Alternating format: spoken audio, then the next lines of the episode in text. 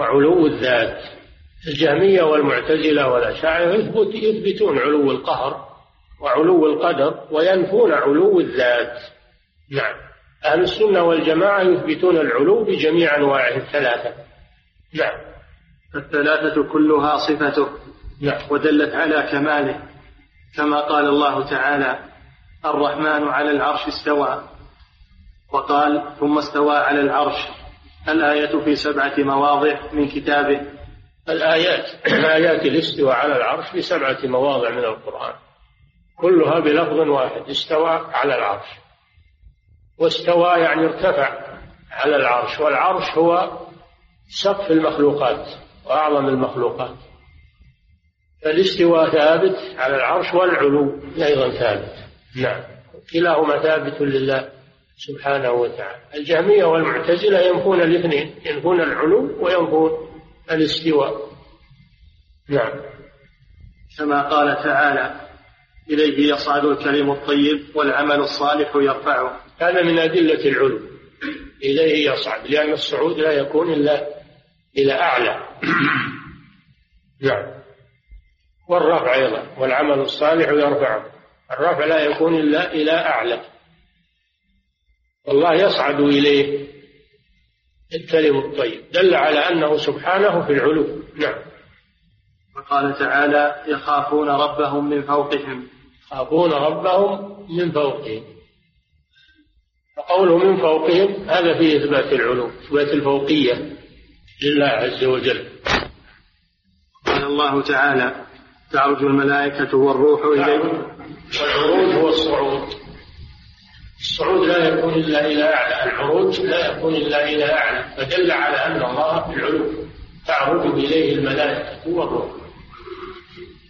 الملائكة خلق من خلق الله من عباد الله ما في السماوات.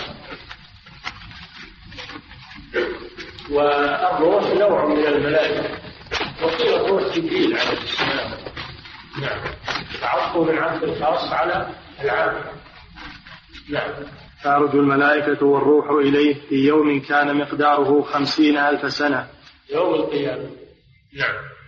وقال تعالى إني متوفيك ورافعك إلي. قال الله لعيسى عليه الصلاة والسلام لما مكر به اليهود وأرادوا قتله حماه الله منه. وقال الله له إني متوفيك. ورافعك إليه. وليس الوفاة هنا وفاة الموت وإنما هي وفاة القبر والله قابضه متوفيك يعني قابضه وفيه الحياة عليه الصلاة والسلام. وقيل المراد بالوفاة وفاة النوم. يعني أصابه نوعا من النوم. لأن النوم يسمى وفاة وهو الذي يتوفاكم بالليل. فيعلم ما جرحتم بالنار وفاة النوم. الله يتوفى الأنفس حين موتها والتي لم تمت في منامها. فالنوم وفاة وفاة صغرى فما أصاب عيسى هو من هذا النوم الوفاة الصغرى التي هي النوم. أو أن المراد يتوفيك يعني قابلك. ليس المراد بالوفاة وفاة الموت لأن عيسى لم يمت بعد. لم يمت بعد وحي. لا يزال حيا إلى أن ينزل في آخر الزمان. ويقتل الدجال. ويحكم بشريعة الإسلام. ثم يموت بعد ذلك. الموت الذي كتبه الله عليه. لأن الله جل وعلا قضى بالموت على كل مخلوق.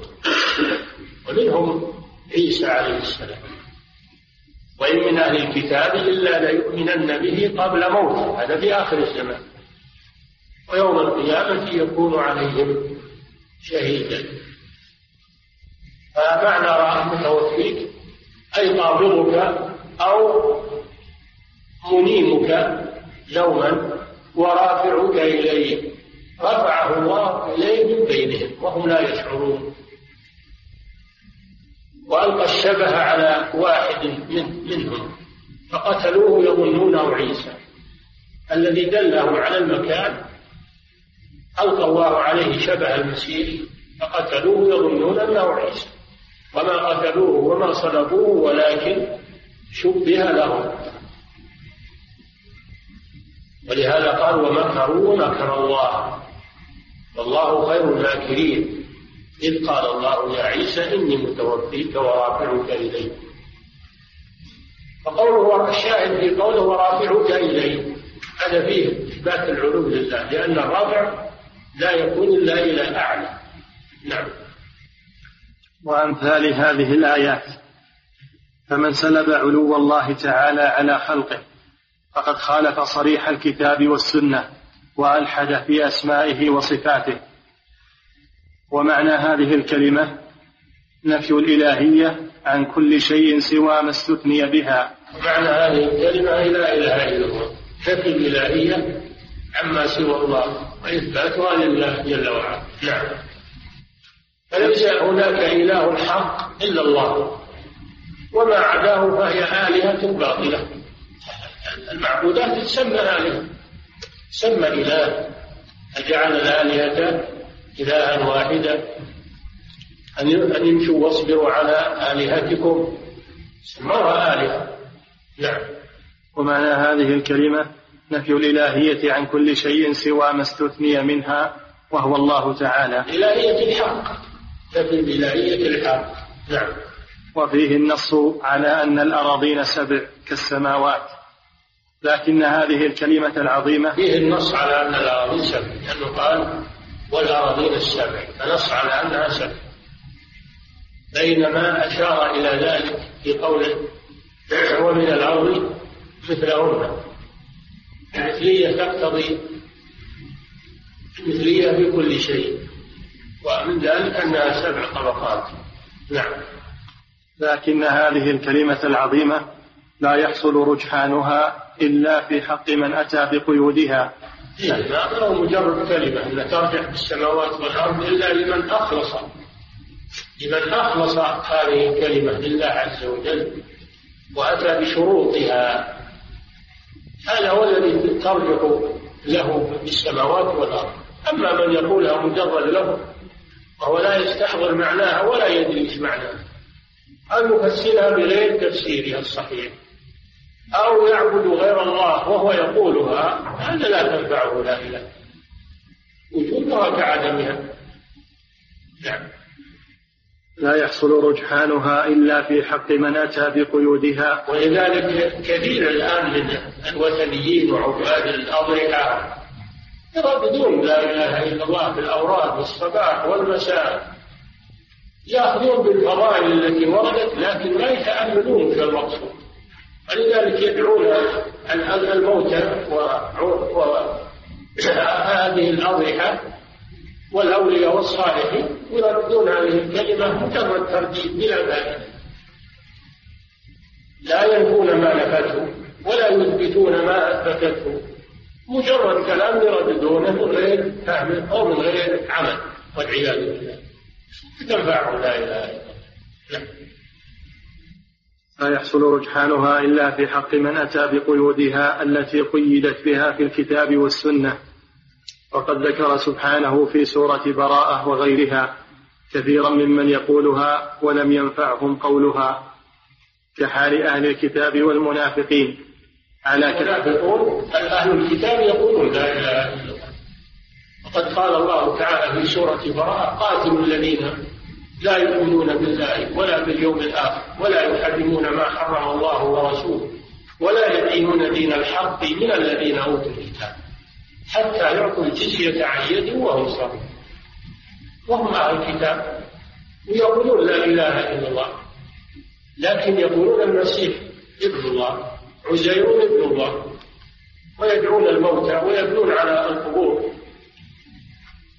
لا تنفعهم الله بل بل الله جل وعلا أمر بقتالهم وهم أهل الكتاب وكذلك المنافقون في سورة التوبة ذكر الله معائبهم وكرر صفاتهم في هذه السورة حتى سميت السورة الفاضحه أنها فضحت المنافقين وهم يقولون لا إله إلا الله لم تنفعهم لا إله لما لم يقولوها بصدق إنما يقولونها نفاقا لم تنفعهم لا. بل جعلهم الله في الدرك الأسفل من النار تحت عبدة الأوثان نعم. وهم يقولون لا إله إلا الله. نعم. المنافق يقول لا إله إلا الله. لكن لما لم يقلها بصدق وإنما قالها نفاقا لم تنفعه هذه كما أن أهل الكتاب لما لم يخلصوا لله بل أشركوا مع الله لم تنفعهم هذه الكلمة كحال أهل الكتاب والمنافقين على كثرتهم وتنوعهم في وتنوعهم في نفاقهم فلم تنفعهم مع ما قام بهم من ترك تلك القيود. فمنهم من يقولها جاهلا بما وضعت له وبما دلت عليه من نفي الشرك والبراءة منه.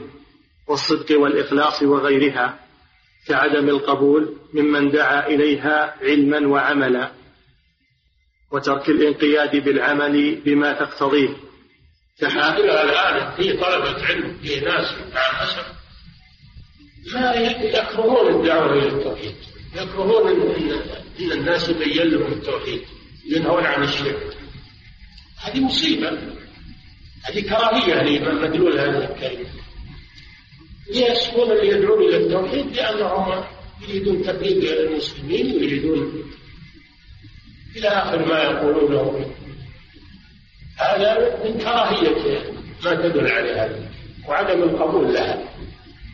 نسأل الله العافية فعلى الإنسان أنه يحذر من هذا. لا يكون من هؤلاء الذين لا يقبلون هذه الكلمة ولا ينقادون لها. وإنما ينقادون لمذاهبهم وأحزابهم ومناهجهم وأما من دعا إلى توحيد الله ونهى عن الشرك فهذا يعتبرونه ثقيلا يعتبرونه أنه ينفر وأنه إلى آخر ما يقولون. وان هناك شيء أهم؟ يقولون هذه جزئيات والدعوة إلى وحدة المسلمين وكذا وكذا أهم. سبحان الله المسلمون يتحدون بدون توحيد. وبدون إخلاص لله عز وجل ما هو ممكن هذا؟ صحح هو الاساس اولا. ثم بعد ذلك ادعوا إلى الاجتماع. الاجتماع مطلوب. التفرق منهي عنه لكن الله جل وعلا ماذا قال؟ واعتصموا بحبل الله. جميعا ولا تفرقوا ما قال اجتمعوا فقط. بل قال اعتصموا بحبل الله. وحبل الله هو التوحيد. وهو الدين هو الاسلام الاجتماع ما يحصل إلا بالتوحيد والإسلام والإيمان. نعم. كعدم القبول ممن دعا إليها علما وعملا وترك الانقياد بالعمل بما تقتضيه كحال أكثر من يقولها قديما وحديثا. ولكن في أواخر هذه الأمة أكثر. يقولون لا تدرسون الناس على التوحيد. توحيد توحيد. لا توحيد. يا سبحان الله. هذا سمعناه منهم وقرأناه في بعض الكتب. هؤلاء يخشى عليهم من الرد إن لم يتوبوا إلى الله سبحانه وتعالى. اللي يستثقل التوحيد يستثقل معنى لا إله إلا الله والدعوة إليه وبيانه للناس؟ هذا يكون مرتد عن دين نعم. ولكن في أواخر هذه الأمة أكثر ومنهم من يمنعه من محبتها والعمل بها ما قام بقلبه من كبر أو هوى.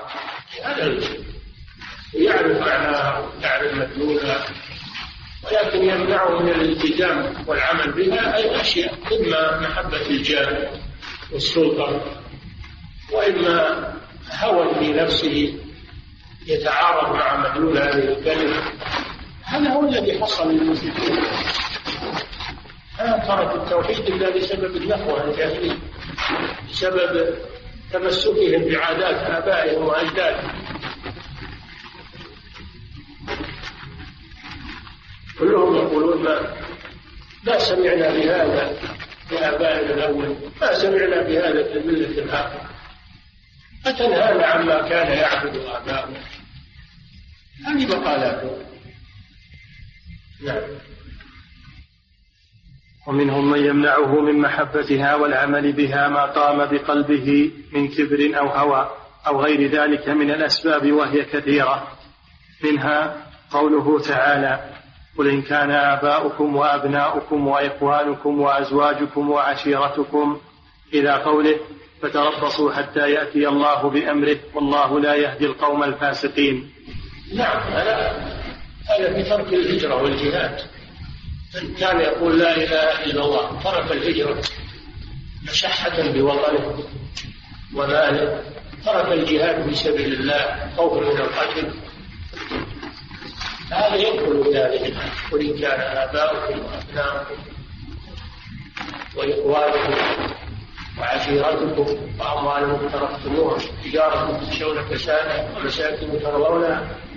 أحب إليكم من الله ورسوله وجهاد في فلا إله إلا الله تقتضي الهجرة من بلاد الشرك إلى بلاد التوحيد. هذا من مقتضى لا إله إلا الله. وتقتضي الجهاد في سبيل الله لإعلاء هذه الكلمة. ونفي ما يضادها فمن لم يعمل هذا فقد آثر ما تهواه نفسه على ما يحبه الله ورسوله. أحب إليكم من الله ورسوله وجهاد في سبيله فتربصوا يعني انتظروا هذا وعيد. حتى يأتي الله بأمره. والله لا يهدي القوم الفاسقين. سماهم فاسقين خارجين عن طاعة الله سبحانه وتعالى. وأما أهل الإيمان الخلص فهم الذين أتوا بهذه الكلمة واجتمعت لهم قيودها التي قيدت بها علما ويقينا وصدقا وإخلاصا ومحبة وقبولا وانقيادا. وعادوا في الله ووالوا فيه وأحبوا فيه وأبغضوا فيه. هذا علامة الإخلاص. المعاداة في الله والمحبة في الله هذه علامة الإخلاص. تحب من يحبه الله وتبغض من يبغضه الله. وقد ذكرهم الله تعالى في مواضع من سورة براءة وغيرها وخصهم بالثناء بالثناء عليهم والعفو عنهم وأعد لهم جنته وأنجاهم من النار. كما قال تعالى والمؤمنون والمؤمنات بعضهم أولياء بعض يأمرون بالمعروف وينهون عن المنكر. صفاتهم أولياء بعض. بعضهم أولياء بعض. هذا أول صفات. المحبة بالله والمعاداة نعم. يأمرون بالمعروف وينهون عن المنكر. ويقيمون الصلاة ويؤتون الزكاة. هذه الصفات هذا كله من مضمون لا إله إلا الله. ويطيعون الله ورسوله أولئك سيرحمهم الله. إن الله عزيز حكيم. وقال الله تعالى والسابقون الأولون من المهاجرين والأنصار والذين اتبعوهم بإحسان رضي الله عنهم ورضوا, ورضوا عنه. وأعد لهم جنات تجري تحتها الأنهار خالدين فيها أبدا. ذلك الفوز العظيم. رتب هذا على اتباع السابقين الأولين من المهاجرين والأنصار الذين قالوا هذه الكلمة مخلصين وهاجروا من أجلها وجاهدوا في سبيل الله. من أجلها واستشهدوا وقتلوا في سبيل الله. من أجلها وتركوا الأوطان والأموال. من أجلها الذين جاءوا واقتدوا بهم من المتأخرين يكونون معهم يوم القيامة. فهؤلاء ومن اتبعهم بإحسان هم أهل لا إله إلا الله. وغير اتبعهم بإحسان. أو مجرد انتساب بإحسان لازم إحسان هو صدق المتابعة نعم. وغير هذه الآيات في الثناء عليهم وما أعد لهم في الدار الآخرة. فمن تدبر القرآن وعرف تفاوت الخلق في محبة ربهم وتوحيده والعمل بطاعته والهرب من معصيته وإيثار ما يحبه تعالى رغبة وعملا وترك ما يكرهه خشية ورجاء. واعتبر الناس بأحوالهم وأقوالهم وأعمالهم ونياتهم وإراداتهم وما هم عليه من التفاوت البعيد. تبين له خطأ المغرورين. هؤلاء ومن لنا إن شاء الله مع قوله تعالى والذين اتبعوه بإحسان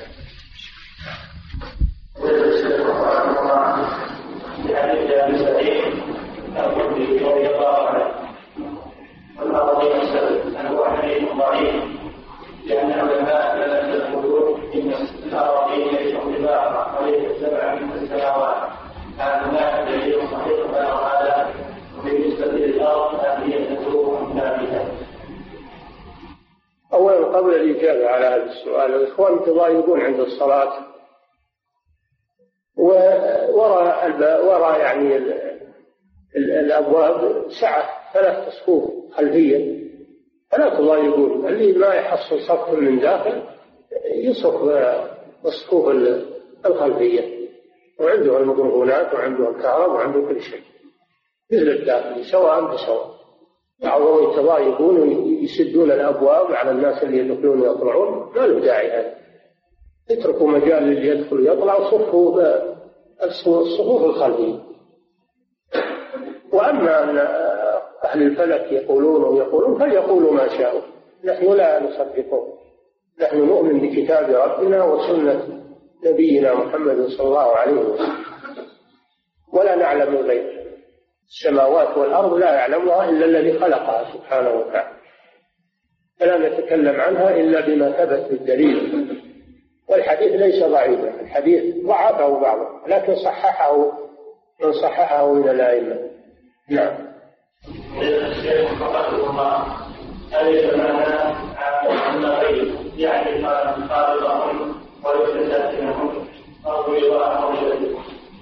عامر هذا عندك تفسره خالد لكن عند أهل العلم عامرهم يعني ساكن عمروها أكثر مما عمروها يعني سكنوها. وحرثوها وزرعوها. نعم. أثاروا الأرض أثاروا الأرض وعمروها سكنوها. العمران هو السكنة وش الفائدة من مباني ما فيها سكنة؟ هذه ما تصير عمران تصير خراب. المباني الشامخة اللي ما فيها سكان هذه تسمى خراب. ما تسمى عمران إلا بالسكان. لكن قول العوام عمرت الدار أو عمرت القصر هو معناه بنيته عمرته يعني سكنته. نعم. الشيخ رحمه الله. يجوز لذلك فقد يترك هذا النوع من العبادة هل هذا؟ إن استمر معه يدخل. أما إذا جاهد نفسه كثير من الناس يجدون لكن يجاهدون أنفسهم النفس تحتاج إلى مجاهدة. إن استسلم واستثقل العبادات بتكاسل يدخل في معنى الحج وأما إذا جاهد نفسه تغلب عليها فإنه لا يدخل نعم. هل اتباع الهوى واتباع الشهوات من الشرك؟ من نعم من الشرك من الشرك الأصغر. من الشرك الأصغر. تعس عبد الخميس وتعس عبد الخميل تعس عبد الدينار تعس عبد الدرهم هذا شرك لأن عبد معناه أنه اتخذها في آلهة. لكن هذا يسمى بالشرك الأصغر. أو الشرك المخرج من الملة؟ نعم.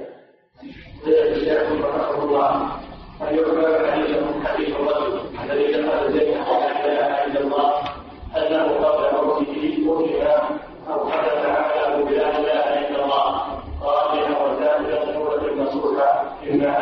لا بد من هذا لا بد من هذا التقييد.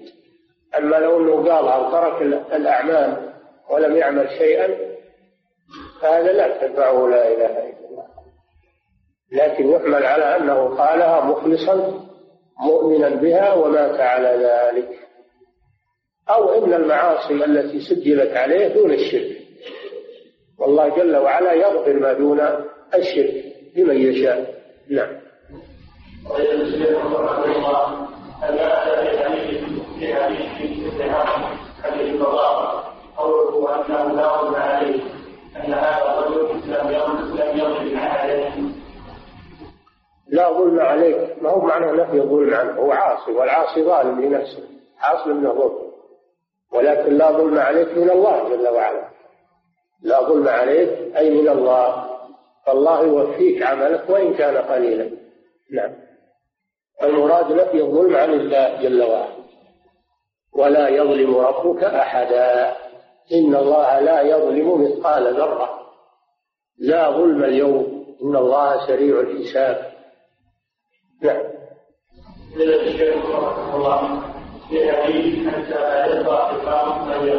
الله الله وكما قال صلى الله عليه وسلم الله الله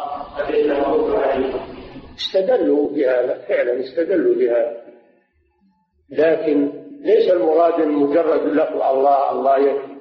لكن المراد قول لا إله إلا الله. لأن اللفظه المفردة لا تكون ذكرا بل لا تكون كلاما. اللفظه المفردة لا تكون كلاما فضلا عن أن تكون ذكرا وعبادة. يعني فلا بد من أن تكون الكلمة مركبة. من فعل وفاعل أو من جملة. الله لا يذكر بالكلمات المفردة. ابدا إنما يذكر بالجمل سبحان الله والحمد لله. جمل. لا إله إلا الله. الله أكبر. كلها جمل. ما ورد إن الله يذكر بالاسم المفرد ابدا. نعم. الشيخ رحمه الله يوجد عبارة الباب الإسلامية المكتوبة أننا نعرف على الجهاد في الله. يوجد عبارة الباب الإسلامية المكتوبة نعم. أننا نعرف على الجهاد في سبيل الله ولا تكون معنا صوفيا ومن يطوف على الظهور ومن يعمل بالشركيات فهل نفعل معهم بمحاضرة الكفار أو جاهل الكفار أم لا؟ لا تذهب معهم. اذهب وحدك. إذا عندك استطاعة اذهب وحدك. لا تذهب مع المشركين ومع ومع الكفار. اذهب وحدك أو مع أهل التوحيد. نعم الشيخ رحمه الله بالنسبة لعيسى عليه السلام هل هو ذاك شيء في منزلة الله وما هو مذهب أهل السنة في ذلك؟ عيسى عليه السلام كغيره من الأنبياء عند الله سبحانه وتعالى. عند الله في السماء. وأجسام الميتين منهم الميتين منهم أجسامهم في الأرض أجسام الأنبياء في الأرض في القبور لكن أرواحهم في السماء. وأما عيسى عليه السلام فروحه وجسمه في السماء فهو لا يزال حيا. نعم. هل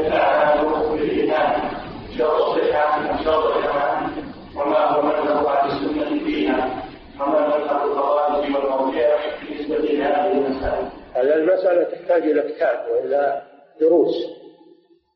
تحتاج إلى دروس. الأعمال الأعمال داخلة في مسمى الإيمان. فلا إيمان بدون أعمال. لا إيمان بدون أعمال ولا أعمال بدون إيمان. لا بد من الاثنين الإيمان والعمل. إلا الذين آمنوا وعملوا الصالحات فلا ينفع إيمان بدون عمل ولا ينفع عمل بدون إيمان. لا بد من تركيب الاثنين الإيمان والعمل. ولهذا قال أهل السنة الإيمان قول باللسان واعتقاد بالقلب وعمل بالجوارح. هذا هو الإيمان. ما هو قول باللسان فقط ولا اعتقاد بالقلب فقط ولا عمل بالجوارح فقط بل لابد من اجتماع ثلاثة حتى يكون إيمانا. نعم. ما هو معنى الكرسي؟ بمعنى العلم وما هو معنى؟ الكرسي مخلوق ما هو ما هو بالعلم. ما هو هو العلم. الكرسي مخلوق وهو أعظم من السماوات والأرض. والعرش أعظم من الكرسي. والله أعظم من كل شيء سبحانه وتعالى. هذه مخلوقات العرش السماوات الكرسي العرش. كل هذه مخلوقات علوية. كلها مخلوقات علوية بعضها أكبر من بعض. السماوات الكرسي أعظم منها العرش أعظم من الكرسي. نعم.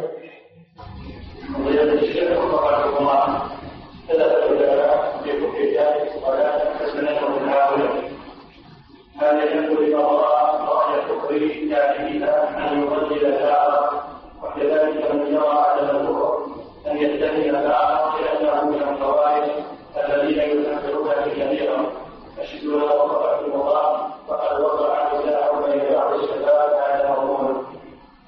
ما هو بالنظر إلى الخلاف؟ النظر إلى الأدلة. فمن كان معه الدليل فهو الصواب والثاني هو المخطئ الأدلة مع من يرى كفر تارك الصلاة كفرا أكبر يخرج من الملة هذا هو الذي معه الأدلة الصحيحة. ومن قال بخلاف ذلك يخطأ. يقال هذا خطأ وهذا خلاف الأدلة. ما نرجع للخلاف. نرجع إلى الأدلة. فإن تنازعتم في شيء فردوه إلى الله والرسول. إن كنتم تؤمنون بالله واليوم الآخر. ما نرد النزاع إلى فلان أو خلاف العلماء أو أو نرد إلى الكتاب والسنة. فمن كان معه الدليل فهو المحق. ومن لم يكن معه دليل فهو مخطئ. نعم الشيخ رحمه الله قال قضيتكم بهذه المقولة إن الصحابة رضوان الله عليهم ملتزمون بكلام الكتاب والسنة واننا لا ننظر اقوالهم في العقيدة والفقه بل نحن مخاطبون بكلام الكتاب والسنة فقط. قال قضيتكم بهذه الاتفاق وهل هي موافقة لمنهج أهل السنة والجماعة. هذه ضلال. هذا ضلال. مبين الصحابة تلاميذ الرسول صلى الله عليه وسلم وحملوا عنه الشريعة حملوا عنه الشريعة. وهم أفضل القرون وهم القدوة بعد الرسول صلى الله عليه وسلم. وهم الواسطة بيننا وبين الرسول صلى الله عليه وسلم. والله جل وعلا يقول والسابقون الأولون من المهاجرين والأنصار والذين اتبعوه والذين اتبعوه بإحسان اتبعوه اتباعهم هذا هدى وهذا دين. أما من خالف الصحابة وتنقصهم وقال هم رجال ونحن رجال فهذا من جهله وضلاله. إما أنه جاهل ما يدري يتكلم بغير علم والقول على الله بغير علم أعظم من الشرك وإما أنه مغرض عنده علم لكنه مغرض يريد تنقيص الصحابة هذا مذهب الشيعة قبحه الله. يمكن داسينه على بعض الناس من هذا الطريق. الصحابة لهم قدرهم ولهم مكانتهم وهم خير القرون وهم القدوة لأنهم أخذوا عن الرسول صلى الله عليه وسلم وبلغنا هذا الدين عنهم. فهم القدوة واتباعهم هذا واجب. أما اللي يقول أنا بستقل ولا أرجع للصحابة هذا ضلال والعياذ بالله. نعم. والله تعالى أعلم وصلى الله وسلم على نبينا محمد على آله وصحبه أجمعين. بسم الله الرحمن الرحيم. الحمد لله رب العالمين وصلى الله وسلم على نبينا محمد. أما بعد قال المصنف رحمه الله تعالى وقوله تعالى والسابقون الأولون من المهاجرين والأنصار والذين اتبعوهم بإحسان رضي الله عنهم ورضوا عنه وأعد لهم جنات تجري تحتها الأنهار خالدين فيها أبدا ذلك الفوز العظيم. بسم الله الرحمن الرحيم. الحمد لله رب العالمين صلى الله وسلم على نبينا محمد وعلى آله وأصحابه أجمعين. هذه الآية قوله تعالى والسابقون الأولون من المهاجرين والأنصار والذين اتبعوهم بإحسان رضي الله عنهم ورضوا عنه. هذه الآية تدل على الاقتداء بالصحابة لأنهم خير القرون ولأنهم صحبوا الرسول صلى الله عليه وسلم فهم فهم أدرى من غيرهم. فهم أدرى من غيرهم في أمور الشريعة لأنهم تلقوها عن الرسول صلى الله عليه وسلم مباشرة فاتباعهم والاقتداء بهم هذا من أصول عقيدة أهل السنة والجماعة. من أصول عقيدة أهل السنة والجماعة الاقتداء بالسلف الصالح ولا سيما الصحابة. رضي الله عنهم. ولا سيما السابقون الأولون منهم. وقوله بإحسان الإحسان معناه الإتقان إتقان الشيء وإتمامه. فالمراد الاقتداء بهم على الوجه المطلوب من غير غلو ومن غير تساهل. ومجرد الانتساب إليهم بالاسم دون التحقيق؟ هذا لا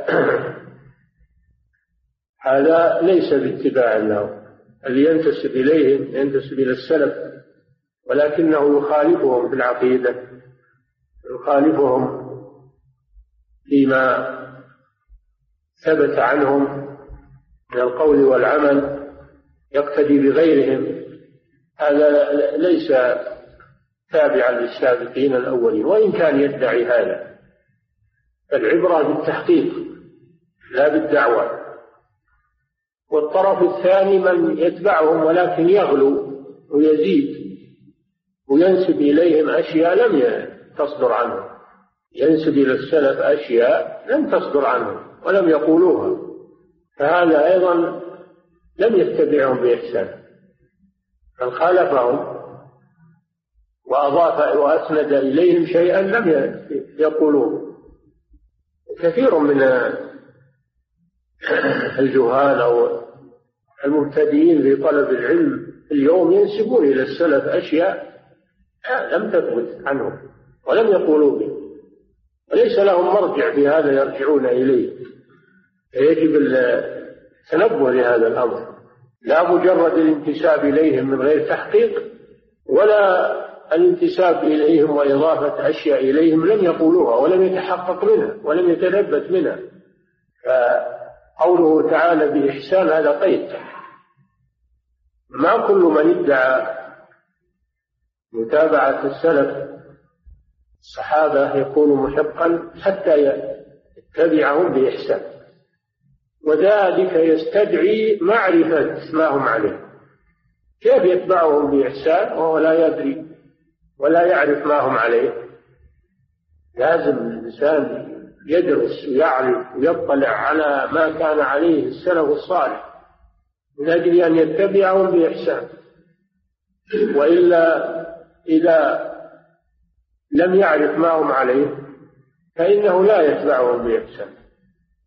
هذه أمور يجب التفطن لها والذين اتبعوهم بإحسان. ووعدهم الله بهذا الوعد رضي الله عنهم ورضوا عنه. وأعد لهم جنات تجري تحتها الأنهار خالدين فيها أبدا.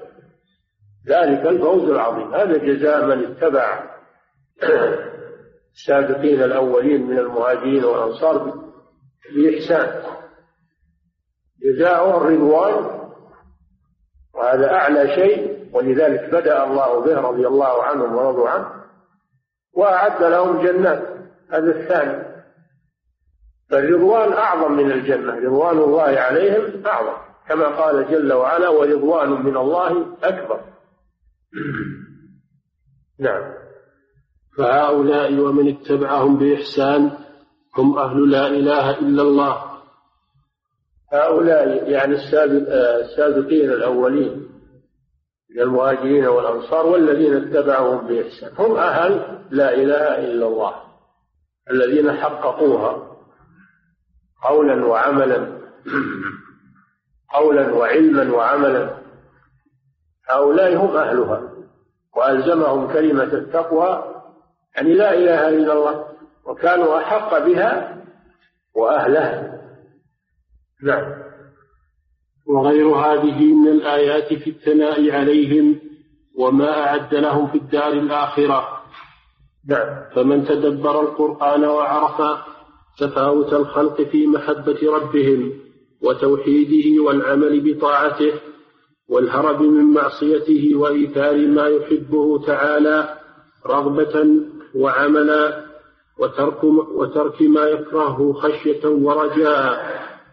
واعتبر الناس بأحوالهم واعتبر الناس بأحوالهم وأقوالهم وأعمالهم. ونياتهم وإرادتهم وما هم عليه من التفاوت البعيد تبين له خطأ المغرورين. ولا يكتفي بمجرد أخذ الناس على ظواهرهم بل لا بد أن يتحقق منهم يتحقق منهم من علمهم ومن اتباعهم ومن تحقيقهم.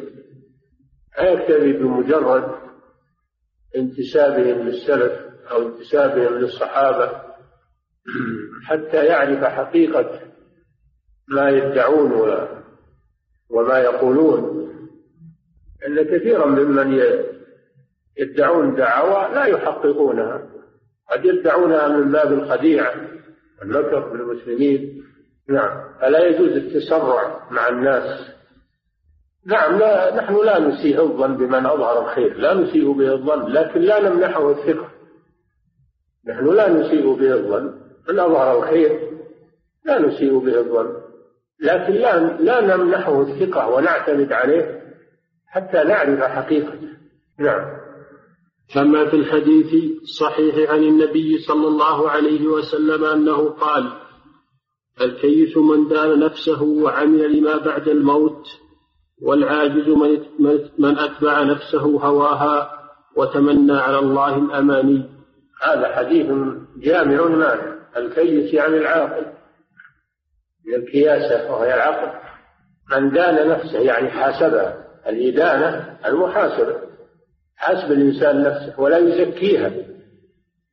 ما يزكي الإنسان نفسه فلا تزكوا أنفسكم. هو أعلم من بل يحاسب نفسه ويعتبرها مقصرة. ومفرطة في جنب الله دائما يحاسب نفسه. هذا هو العاقل. أما الذي يزكي نفسه ويمدح نفسه فهذا ليس بكيس ولا حازم. هذا شيء. الشيء الثاني عمل لما بعد الموت. لا بد من العمل أيضا. فلا بد من من أمرين محاسبة النفس والعمل للدار الآخرة. هذا هو العاقل. والعاجز من أتبع نفسه هواها وتمنى على الله الأمان. هذا مجرد الانتساب من غير تحقيق. انتساب من غير تحقيق. ينتسب إلى الحق وإلى اتباع الرسول صلى الله عليه وسلم ولكن من غير تحقيق. ويقول لا إله إلا الله لكن من غير تحقيق. لمعناها وعمل بمقتضاه بل يتبع نفسه وهواها كل ما تطلب ولو كان في معصية الله أعطاها هي. هذا عاجز في الحقيقة. ويتمنى على الله الأماني والأماني رأس مال المفاليس. الأماني رأس مال المفاليس. تمنى الإنسان بدون أنه يعمل هذا لا يفيده شيئا نعم. قوله وللترمذي وحسنه عن أنس قال سمعت رسول الله صلى الله عليه وسلم يقول قال الله تعالى يا ابن آدم إنك لو أتيتني بقراب الأرض خطايا ثم لقيتني لا تشرك بي شيئا. لا, لا تشرك بي شيئا لآتيتك بقرابها مغفرة. هذا الحديث في فضل التوحيد أيضا. إن الله جل وعلا يقول يا ابن آدم هذا يسمى بالحديث القدسي. الحديث القدسي هو ما يرويه النبي صلى الله عليه وسلم عن ربه عز وجل. فيكون القائل هو الله والمتكلم هو الله والراوي هو الرسول صلى الله عليه وسلم. هذا هو الحديث القدسي. يكون من كلام الله عز وجل. ففيه إثبات الكلام. والفرق بينه وبين الحديث النبوي أن الحديث القدسي من كلام الله. لفظه ومعناه. وأما الحديث النبوي فإن معناه من الله وحي من الله ولكن لفظه من النبي صلى الله عليه وسلم. هذا الفرق بين النوعين. حديث القدسي لفظه ومعناه من الله. حديث النبوي معناه من الله وحي من الله. ولفظه من قول الرسول صلى الله عليه وسلم. أما من غلط وقال إن الحديث القدسي لفظه ومعناه من الرسول صلى الله عليه وسلم هذا غلط. إذا وما الفرق بينه وبين الحديث النبوي؟ هذا من ناحية. الناحية الثانية أن الرسول يقول قال الله. وهذا يقول لا ما قال الله وإن الذي قال هو الرسول صلى الله عليه وسلم. هذا هذا غلط واضح. الرسول يقول قال الله. وهذا يقول ما قال ما قال الله وإنما قاله الرسول صلى الله عليه وسلم. هذا غلط واضح. وما أظن أن أحد من السابقين تكلم بهذا الكلام. كانوا يرون الحديث القدسي كما جاء ولا يتعرضون لمثل هذا الكلام. والفرق بين بين القرآن وبين الحديث القدسي كل منهما كلام الله لكن القرآن متعبد بتلاوته والحديث القدسي ليس متعبدا بتلاوته. أيضا الحديث القرآن ثبت بالتواتر القطعي تواتر القطعي الحديث الحديث القدسي قد يكون آحادا. قد يكون آحادا. ليس متواترا. وأيضا قد يكون صحيحا قد يكون حسنا قد يكون ضعيفا بحسب السنة أما القرآن العظيم فإنه ثبت بالتواتر القطع. هذا الفرق بين الحديث القدسي وبين القرآن. كل منهما كلام الله لكن بينهما فروق. نعم. في هذا الحديث ما يبين معنى لا إله إلا الله. الحديث فيه أن النبي صلى الله عليه وسلم يقول أن الله جل وعلا يقول يا ابن آدم هذا خطاب من الله. خطاب للجنس لجنس بني آدم. والمعنى يا بني آدم لأن المفرد إذا أضيف يعود فقوله يا ابن آدم مثل قوله يا بني آدم. إنك لو أتيتني بقراب الأرض خطايا. القراب أو القراب هو ملء الشيء. ملء الشيء أو ما يقارب ملءه فمعنى قوله صلى الله عليه وسلم عن الله جل وعلا لو أتيتني بقراب الأرض يعني ملء الأرض ملء الأرض. أو ما يقارب ملءها خطايا يعني ذنوب ومعاصي. لكنها دون الشرك. ولهذا قيده بقوله ثم لقيتني لا تشرك بي شيئا. يعني ذنوب دون الشرك. أما من لقي الله بالشرك فإن الله لا يغفر له كما قال جل وعلا إن الله لا يغفر أن يشرك به ويغفر ما دون ذلك يعني دون الشرك من الذنوب والمعاصي لمن يشاء سبحانه وتعالى. ففي هذا الحديث فضل التوحيد لأن من سلم من الشرك فإنه أتى بالتوحيد فيحصل على هذا الوعد من الله سبحانه وتعالى وهو المغفرة. هذا يوافق الآية. إن الله لا يغفر أن يشرك به ويغفر ما دون ذلك لمن يشاء. قوله ما دون ذلك ما هذه موصولة من صيغ العموم. يعني يغفر الذنوب التي دون الشرك وإن كانت كبائر. وإن كانت من الكبائر. فإن الله جل وعلا يغفرها إذا شاء سبحانه وقد يعذب صاحبها ثم يدخله الجنة بعد ذلك.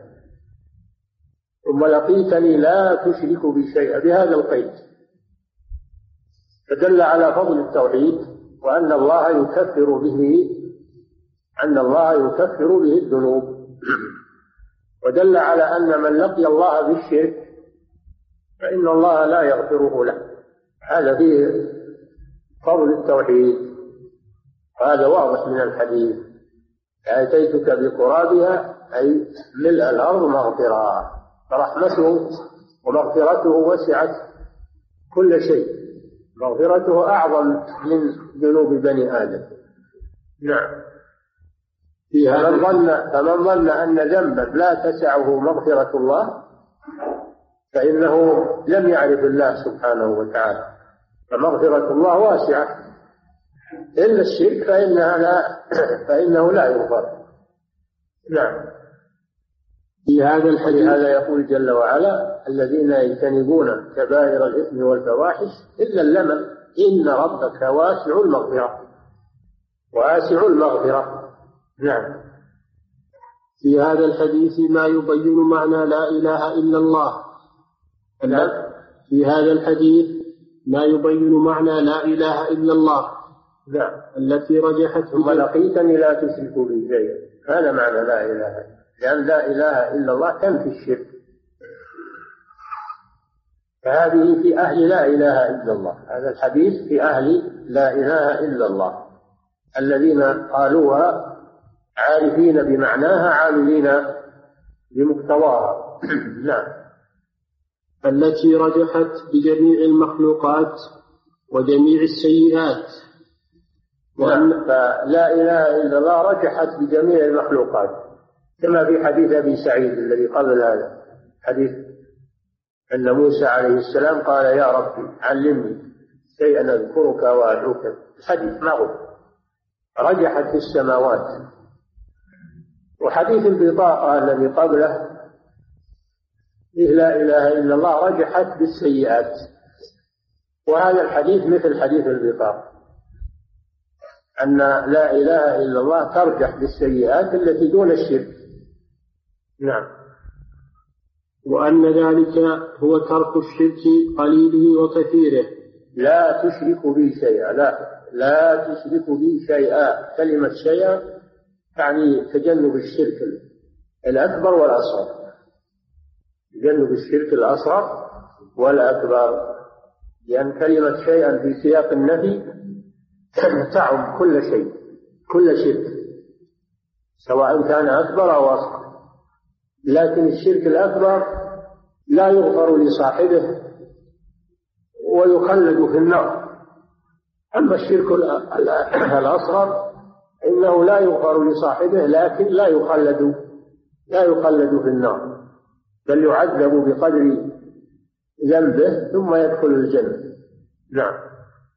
وذلك يقتضي هذا على القول بأن الشرك الأصغر لا يغفر وفي من يرى أن الشرك الأصغر يدخل في مغفرة الله عز وجل. نعم. وذلك يقتضي كمال التوحيد. فلا يسلم من الشرك إلا من حقق توحيده وأتى بما تقتضيه كلمة الإخلاص من العلم واليقين والصدق والإخلاص والمحبة والقبول. شروط شروط لا إله إلا الله. لا يسلم من الشرك إلا من حقق لا إله إلا الله بشروطها السبعة التي سبقت نعم.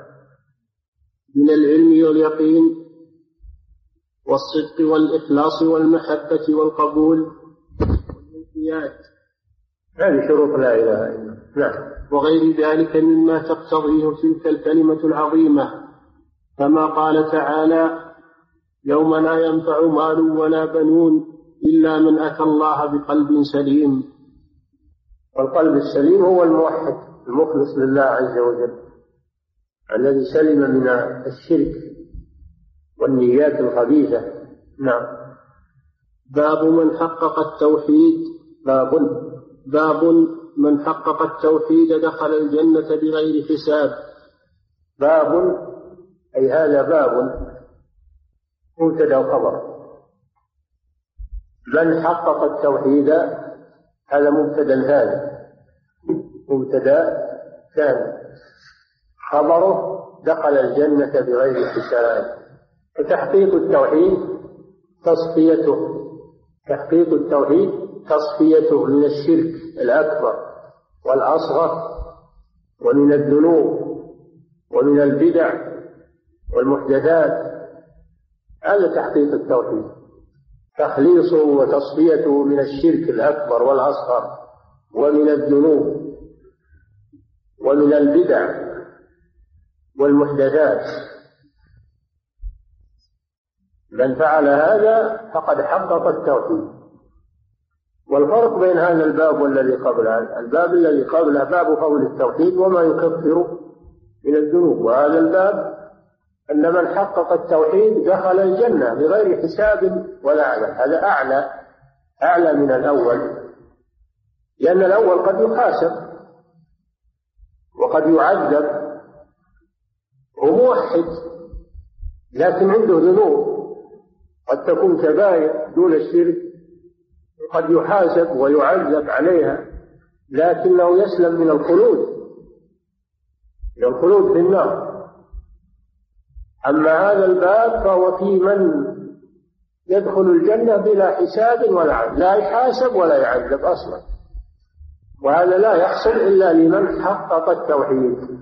الأول وحد الله جل وعلا والثاني حقق التوحيد وهذا أعلى. الأول وحد الله وسلم من الشرك لكن قد يكون عنده ذنوب ومعاصي. مخالفات دون الشرك. قد يكون عنده بدع محدثات لكن بسبب إنه موحد فهو يأمن من الخلود في النار وقد يأمن من دخولها أيضا إذا شاء الله سبحانه وتعالى تحت المشيئة. هذا تحت المشيئة. أما من حقق التوحيد فهذا لا حساب عليه ولا عذاب. يدخل الجنة يدخل الجنة من أول وهلة. لا يحاسب ولا يعذب وهذا مرقا صعب لا يصل إليه إلا إلا السابقون والمقربون. ما يصل إليه إلا السابقون والمقربون. نعم. أي ولا عذاب بغير حساب. أي ولا عذاب نعم. وتحقيقه تصفيته وتخليصه من شوائب الشرك والبدع والإصرار على الذنوب. نعم. تحقيقه تخليصه وتصفيته من شوائب الشرك الأكبر والأصغر ومن البدع. وهي العبادات التي ما أنزل الله بها من سلطان ولا دليل عليها في كتاب الله وسنة رسوله. ومن الإصرار على الذنوب. لم يقل من الذنوب. لأن الإنسان بشر قد يقع في الذنوب لكنه لا يصر عليها بل يتوب منها بل يتوب منها ولا يصر عليها. هذا هو الذي حقق التوحيد. تجنب الشرك الأكبر والأصغر. وتجنب البدع في دين الله عز وجل. ولم يصر على ذنب من الذنوب. بل يتوب إلى الله عز وجل. فيلقى الله وهو تائب من جميع الذنوب. هذا هو الذي حقق التوحيد. وهذا مقام رفيع. لا يناله إلا المقربون والسابقون من هذه الأمة. نعم. فمن كان كذلك فقد حقق توحيدا ومن كان كذلك.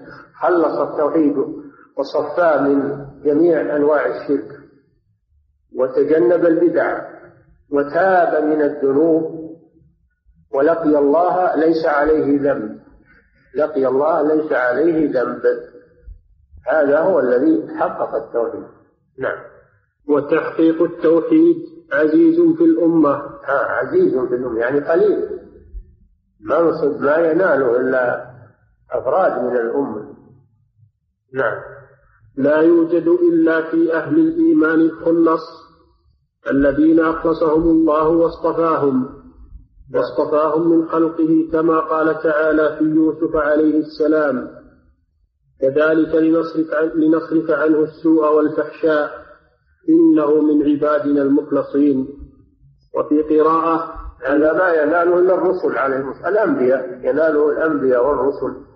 عليهم الصلاة والسلام ويناله السابقون من أتباعهم من أتباع الرسل. ويوسف عليه السلام من الأنبياء. ولما عرضت له الفتنة لما عرضت له الفتنة وتجملت له المرأة وراودته عن نفسه حماه الله عز وجل. حماه الله من الوقوع في الفاحشة. لماذا؟ لأنه من عباده المخلصين. في قراءة المخلصين. المخلصين. هذا السبب. كذلك لنصرف عنه السوء والفحشاء. السبب أنه من عبادنا المخلصين. وفي قراءة المخلصين. حماه الله بالإخلاص. وهذا هو تحقيق التوحيد. تحقيق التوحيد هو هذا. هو الإخلاص. نعم. وهم في صدر الأمة كثيرون وفي آخرها هم الغرباء وقد قلوا وهم الأعظمون قدرا عند الله. المو... ال... الذين حققوا التوحيد في صدر الأمة كثيرون لكن في آخر الزمان يكونون قليلين وغرباء ما يفقدون. ما يفقدون من الأمة لكن يكونون قليلين وغرباء ويكونون مضطهدين ومحتقرين في الناس. هؤلاء هم أهل هذه المرتبة. نعم. وقال قال تعالى ثلة من الأولين وقليل من الآخرين. نعم. وقال تعالى عن خليله عليه السلام قال يا قوم إني بريء مما تشركون إني وجهت وجهي للذي فطر السماوات والأرض حنيفا وما أنا من المشركين. هذا هو تحقيق التوحيد. البراءة من الشرك. إنني بريء مما تشركون. والإخلاص لله. إني وجهت وجهي أي نيتي وقصدي وعملي. وجهت وجهي للذي فطر السماوات والأرض حنيفا مقبلا على الله معرضا عما سواه. مهما كلف الأمر. وما أنا من المشركين. براءة من المشركين. نعم. أي أخلصت ديني وأفردت عبادتي للذي فطر بريء مما تشركون. هذه واحد وفي آخر الآية آه كذلك أعاد البراءة من الشرك. إنني بريء مما تشركون. إني وجهت وجهي للذي فطر السماوات والأرض حنيفا. وما أنا من المشركين. أعاد البراءة. جاء بها في أول الكلام وفي آخره تأكيدا لها من تحقيق التوحيد البراءة من المشركين. أما الذي لا يتبرأ من المشركين هذا لم يخلص التوحيد لله عز وجل. لم يخلص التوحيد لله عز وجل. اللي يقول ما علي منهم؟ لهم دينهم لي ديني ولا علي منهم. ويستانس معهم وياكل ويشرب ويسكن معهم ويجالسهم ويقول أنا ما علي منهم لهم دينهم ولي دين. هذا لم لم يتبرأ من المشركين يتبرأ منهم ابتعد عنهم وعاداهم. نعم.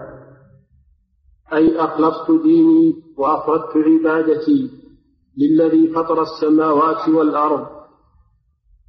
وهو الله جل وعلا. فطر يعني خلق. والفطر هو إيجاد الشيء من غير مثال سابق.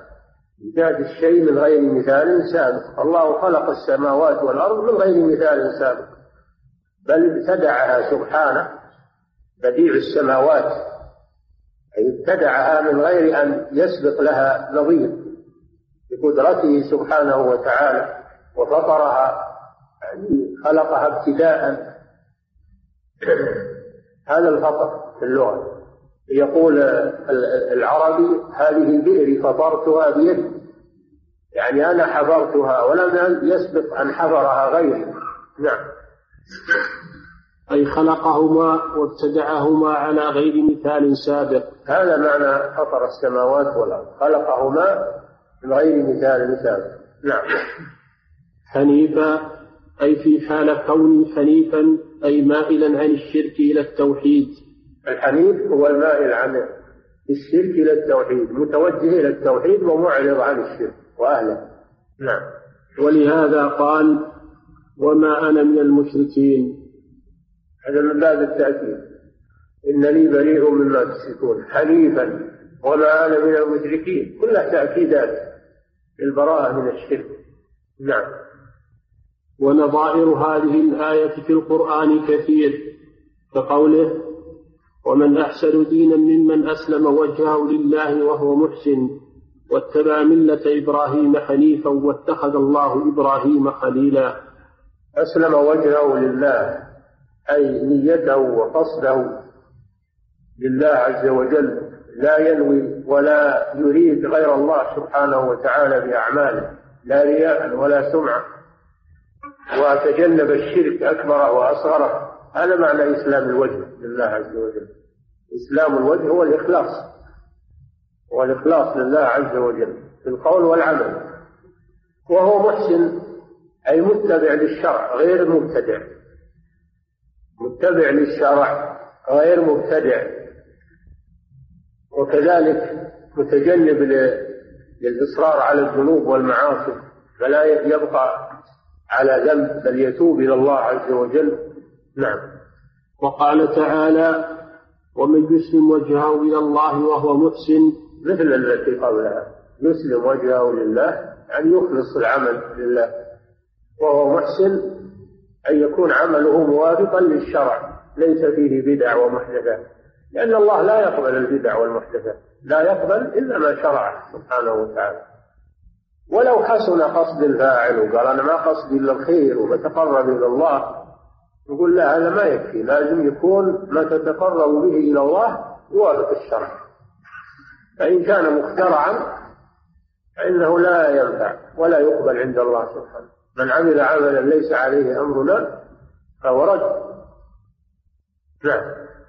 وقال تعالى ومن يسلم وجهه إلى الله وهو محسن فقد استمسك بالعروة الوثقى وهي لا إله إلا الله.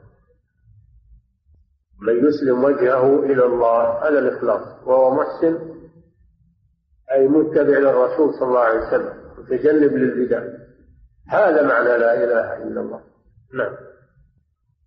قال العماد بن كثير رحمه الله تعالى في الآية يقول تعالى مخبرا عمن أسلم وجهه لله. عماد عماد الدين يعني لقب هذا لقب وإلا هو اسمه إسماعيل.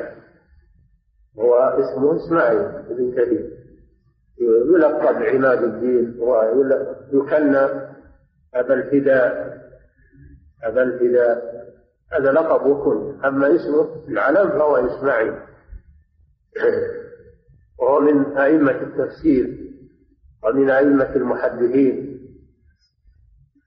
ومن تلاميذ شيخ الإسلام ابن تيمية.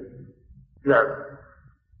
قال العماد بن كثير رحمه الله تعالى في الآية يقول تعالى مخبرا عمن أسلم وجهه لله أي أخلص له العمل وانقاد لأوامره واتبع شرعه. ولهذا قال وهو محسن أي في عمله. واتباع ما أمر به وترك ما عنه زجر لا هذا هذا معنى الإسلام وال وال والإحسان. الإسلام والإحسان الإسلام يعني الإخلاص والإحسان يعني المتابعة وعدم الابتداع. وكثير من الناس لا يروق لهم العمل بالسنة وإنما يروق لهم العمل بالبدع والمحدثات. ولا يحرصون على السنة وإنما يحرصون على البدع.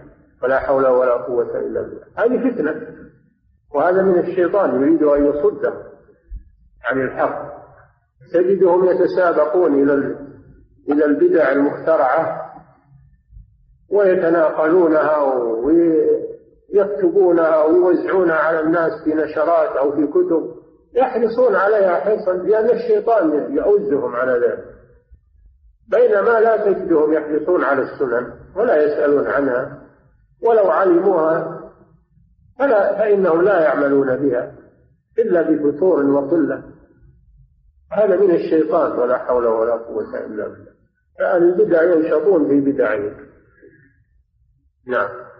ويحرصون على نشرها وتوزيعها وتعميمها على الناس. السبب أن الشيطان هو الذي شياطين الإنس والجن. شيطان الإنس وشيطان الجن هم الذين يحثونهم ويقودونهم إلى هذه الأمور لأجل القضاء. على السنة والشريعة في هذه الطريقة ويقولون هذا ذكر هذا عبادة لله هذا زيادة خير إلى آخر ما يقولون. نعم. فدلت هذه الآية العظيمة على أن كمال الإخلاص إنما يوجد بترك الشرك والبراءة منه والبراءة منه وممن فعله كما تقدم في الباب قبل هذا.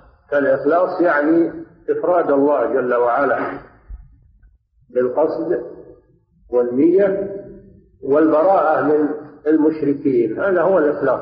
نعم.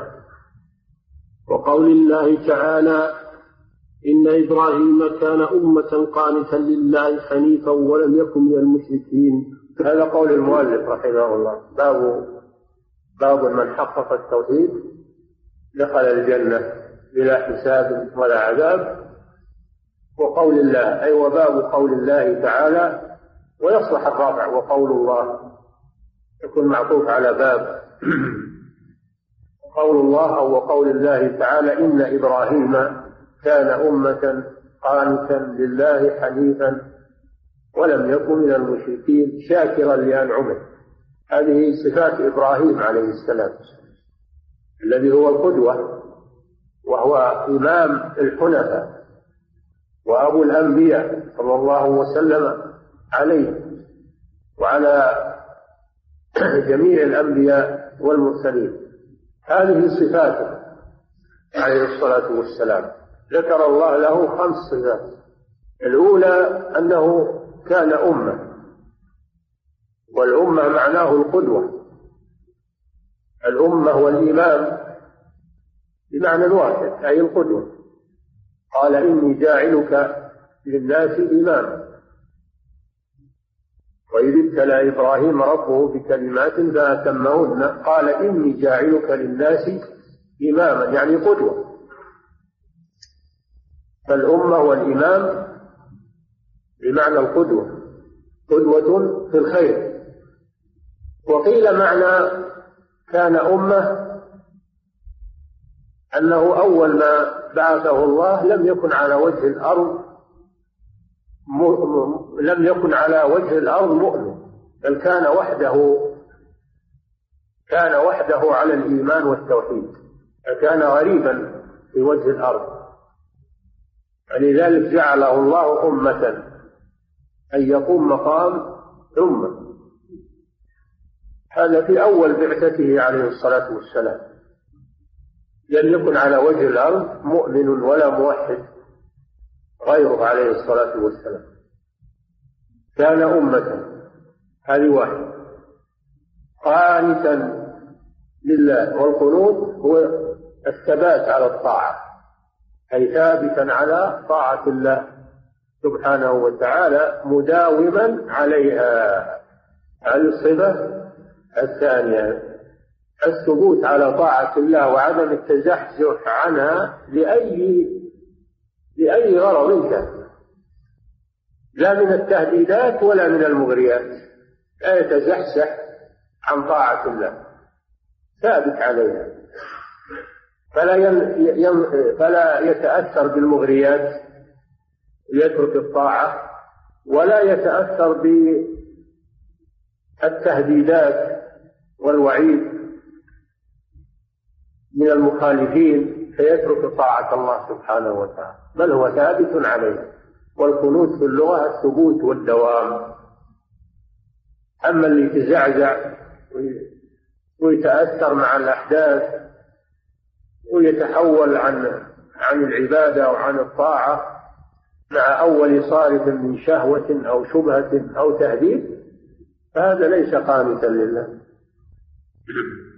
قانتا لله حنيفا هذه الصفة الثالثة. والحنيف هو المقبل على الله بجميع قلبه ووجهه المعرض عما سواه. هذا هو الحنيف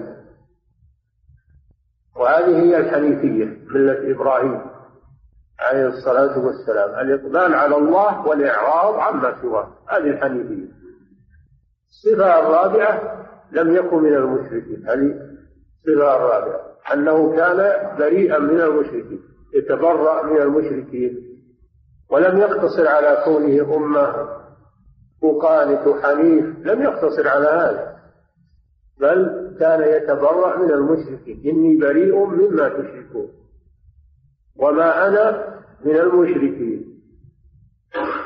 هذا من أصول العقيدة البراءة من المشركين. شاكرا لأنعمه. هذه الصفة الخامسة. أنه يشكر نعمة الله عليه ولا يتكبر بها ولا يبطر بها ولا ينسى ربه سبحانه وتعالى كما يفعل.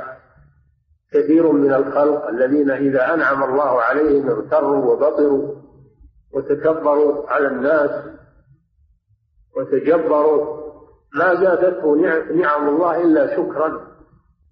وتعبدا لله عز وجل. هذا هو الذي حقق التوحيد. من اتصف بهذه الصفات فقد حقق التوحيد. فاعرض نفسك عليها. اعرض نفسك على هذه الصفات. إن توفرت فيك فأنت قد حققت التوحيد. فأبشر بوعد الله سبحانه وتعالى.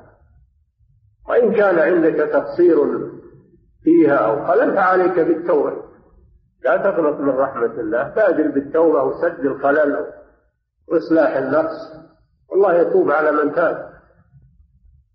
نعم.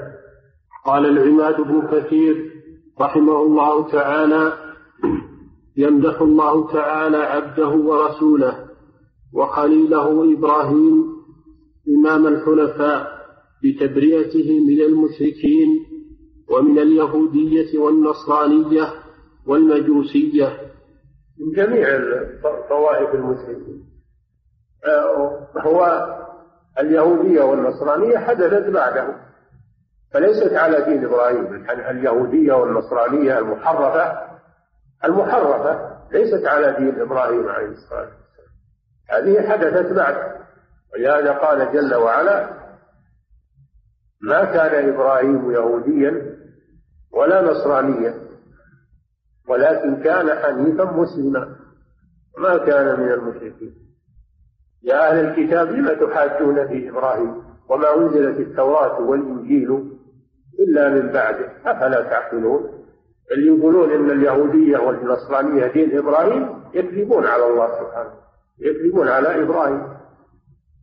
والمقصود اليهودية والنصرانية المحرفه أو المنسوخة. المحرفة أو المنسوخة. هذه ليست لا من دين موسى ولا من دين عيسى ولا من دين إبراهيم عليه الصلاة والسلام. نعم.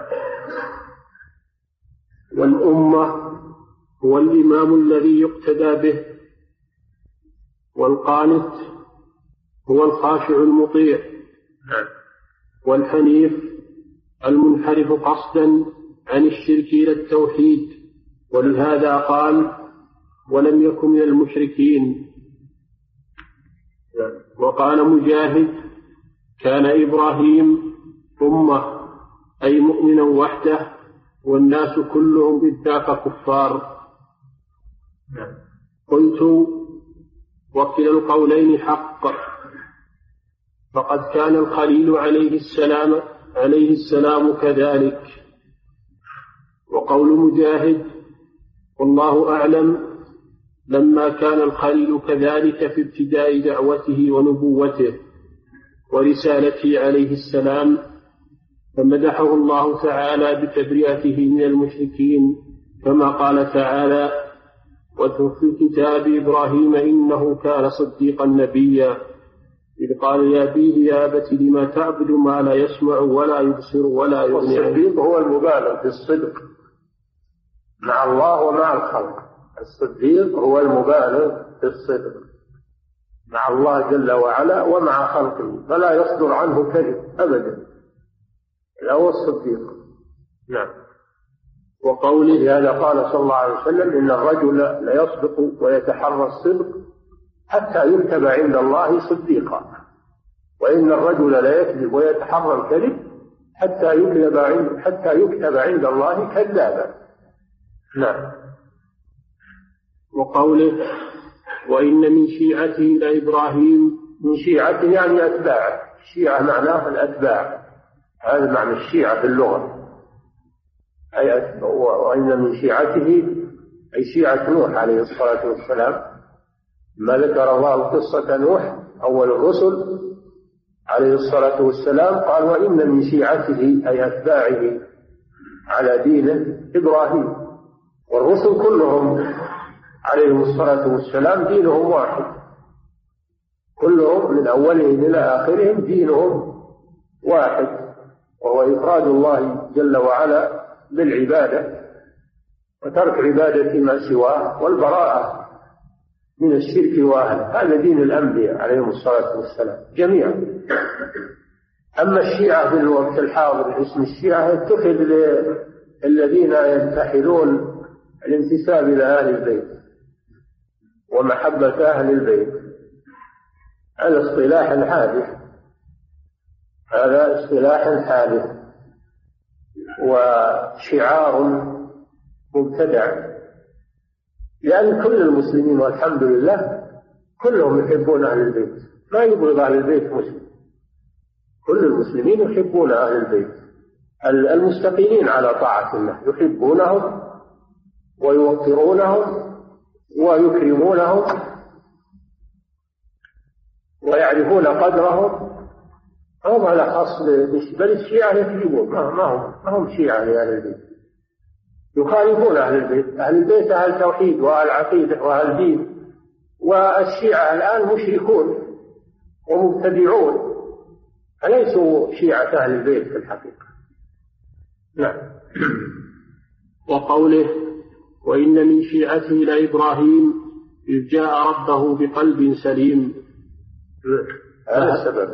صار من شيعة نوح لأنه جاء ربه بقلب سليم وهو الإخلاص لله عز وجل. نعم. فهذا والله أعلم. كان في ابتداء دعوته عليه الصلاة والسلام ولم يكن إذ ذاك على وجه الأرض مسلم غيره. ولذلك جاء الحديث. نعم. وقوله يعني وإن من شيعته. هذا في أول بعثة إبراهيم عليه السلام. لم يكن على وجه الأرض من هو على دين نوح غير إبراهيم عليه السلام. وفيما بعد صار المسلمون كلهم من شيعة نوح عليه السلام ومن شيعة جميع الأنبياء. فكل المسلمون من شيعة الأنبياء عليهم الصلاة والسلام. نعم. وقوله ولم يكن من المشركين فقد فارق المشركين بالقلب واللسان والأركان. ولم يكن من المشركين. أي كان مخالفا لهم ومزايلا لهم من جميع الوجوه. مباين مباين للمشركين من جميع الوجوه. مقطوع الصلة بالمشركين. إلا صلة الدعوة إلى الله عز وجل وإنكار المنكر. أما صلة المحبة والمودة فهو كان تبرع حتى من أبيه اتخذه عدوا أقرب الناس إليه. قد كانت لكم أسوة حسنة في إبراهيم والذين معه إذ قالوا لقومهم إنا براء منكم ومما تعبدون من دون الله. كفرنا بكم وبدا بيننا وبينكم العداوة والبغضاء أبدا حتى تؤمنوا بالله وحده. هذا دين إبراهيم عليه الصلاة والسلام. مع أبيه مع أقرب الناس إليه. وما كان استغفار إبراهيم لأبيه إلا عن موعدة وعدها إياه فلما تبين له أنه عدو لله تبرأ منه إن إبراهيم لأواه. نعم إن إبراهيم لأواه حليم عليه الصلاة والسلام. نعم. فقد فارق المشركين بالقلب واللسان والأركان وأنكر ما كانوا عليه من الشرك بالله في عبادته. نعم. وكسر الأصنام وصبر على ما أصابه في ذات الله. جعلهم ذلالا لما ذهبوا إلى عيدهم وهو اعتذر عن الذهاب لأنه مريض. اعتذر عن الذهاب معهم للعيد لأنه مريض. يعني قال أنه مريض. قال إني سقيم. فلما ذهبوا إلى عيدهم وفرغت الأصنام ما عندها أحد ذهب إليها وكسرها. كسرها بيده من يجرؤ على هذا؟ بين أمة ظالمة غاشمة وكسر أعز شيء عندهم وهو الأصنام. يجرؤ على هذا إلا أهل الإخلاص أهل اليقين بالله عز وجل. وهو يتوقع ماذا سيكون منهم ولكن صبر. صبر في ذات الله عز وجل. فكانت العاقبة له. قلنا يا نار كوني بردا وسلاما على إبراهيم. وأرادوا به كيدا فجعلناهم الأخسرين. نعم. لكن متى؟ بعد الصبر. بعد الصبر وتحمل المشقة. نال هذه المرتبة. ما نالها بدون ثمن. نعم. وهذا هو تحقيق التوحيد. وهو أساس الدين ورأسه. هذا هو الذي فعله إبراهيم عليه السلام. هو أساس التوحيد وتحقيق التوحيد. فمن يريد أن يحقق التوحيد فليتبع ملة إبراهيم. عليه الصلاة والسلام. نعم. ويسير على نهجه وعلى منهجه الذي سار عليه رسول الله صلى الله عليه وسلم. ثم أوحينا إليك أن اتبع ملة إبراهيم حنيفا وما كان من المشركين. فنبينا صلى الله عليه وسلم بعده الله بإحياء ملة, ملة إبراهيم. بإحياء ملة إبراهيم وإعادتها. نعم. كما قال تعالى إذ قال له ربه أسلم قال أسلمت لرب العالمين. والإسلام معناه الاستسلام والانقياد. أسلم أي استسلم وانقد لربك عز وجل. قال أسلمت لرب العالمين. نعم. وأنت تجد أكثر من يقول لا إله إلا الله ويدعي الإسلام يفعل الشرك بالله في عبادته. هذا لم يسلم لم يستسلم لله. وإن قال إنه مسلم بلسانه لكن أفعاله تكذبه أن يقول أنا مسلم أو يقول لا إله إلا الله محمد رسول الله ثم يذهب يدعو غير الله ويستغيث بغير الله ويتعبد إلى الله بالبدع والخرافات هذا ليس صادقا فيما يقول. نعم. بدعوته من لا يضر ولا ينفع من الأموات والغائبين والطواغيت والجن وغيرهم. كثير كثير ممن يدعون الإسلام